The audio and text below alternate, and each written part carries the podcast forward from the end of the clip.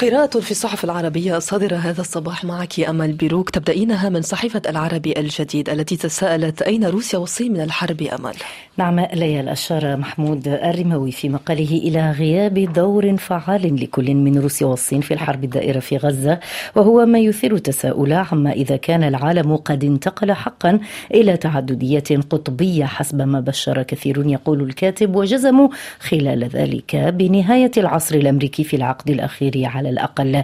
يرى الكاتب أن ثمة تعددية في المراكز الدولية ونموا في الأوزان الاقتصادية والعسكرية للصين وروسيا غير أن هذه التعددية حسب الكاتب ومعها نمو الأوزان تندرج أساسا في سياسة تعزيز المصالح القومية للبلدين ومن غير أن يمتلك خطابا عالميا يتوجه إلى الدول والشعوب في قارات الأرض. سياسة واشنطن تتغير والأكراد ضحية التناقضات. نقرأ هذا العنوان في صحيفة العرب. المقال من توقيع زيد سفوك الذي يرى في مقاله أن الأكراد يدفعون ثمن تناقضات سي... تناقضات سياسات القوى العظمى من جهة وأجندات إيران وتركيا من جهة أخرى مع أن الأكراد عبر التاريخ لم يكونوا يوما مصدرا للإساءة لأي دولة في العالم يقول الكاتب الذي يضيف أن قواعد الاشتباك تتغير في الشرق الأوسط مع مع ازدياد نشاط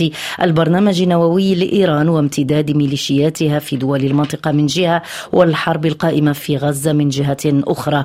وستضطر واشنطن يقول الكاتب لتجميد سياستها المتعمدة في الحرب والعمل وفق المعطيات والأحداث المتسارعة على الأرض ولا سيما بعد تعرضها بشكل مباشر لهجمات من وكلاء إيران وإسراعها للرد على ذلك في كل من العراق. العراق وسوريا واليمن. مقترحات لنجاح القوى الأوروبية الجديدة في البحر الأحمر. التفاصيل في مقال نشرته صحيفة الشرق الأوسط. أوضح عبد العزيز حمد أن بعد هذه المقترحات والتي تتمثل حسب رأيه في ضرورة وضع آلية للتنسيق بين القوة الأوروبية الجديدة والأطر الموجودة حاليا وعدم النظر إلى هجمات الحوثيين على الملاحة الدولية بمعزل عن أجندتهم الداخلية للسيطرة على اليمن ورغبة إيران في توظيف الحرب على غزة لتوسعة نطاق نفوذها في المنطقة بالإضافة إلى ضرورة الالتفات إلى خطر الألغام البحرية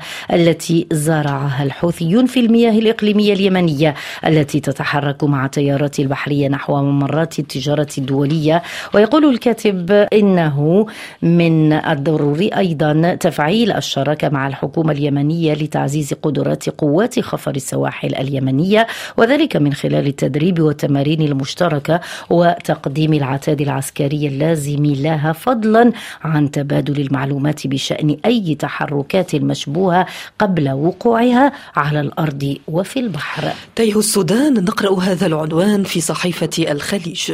كتب علي قباج أن الجهود الخارجية والداخلية لاستعادة الحوار في السودان ووضع خريطة طريق للحل اصطدمت جميعها بالتعنت أو بالالتفاف عليها. فالتوجه الحالي هو محاولة كل طرف تحقيق مكاسب على الأرض لإخضاع الطرف الآخر في أي عملية سياسية مقبلة. لذا تشتد المعارك وتتعالى أصوات المدافع وتتوسع العمليات العسكرية يقول الكاتب لخلق وقائع جديدة تخدم هذا الطرف أو ذاك على طاولة المفاوضات.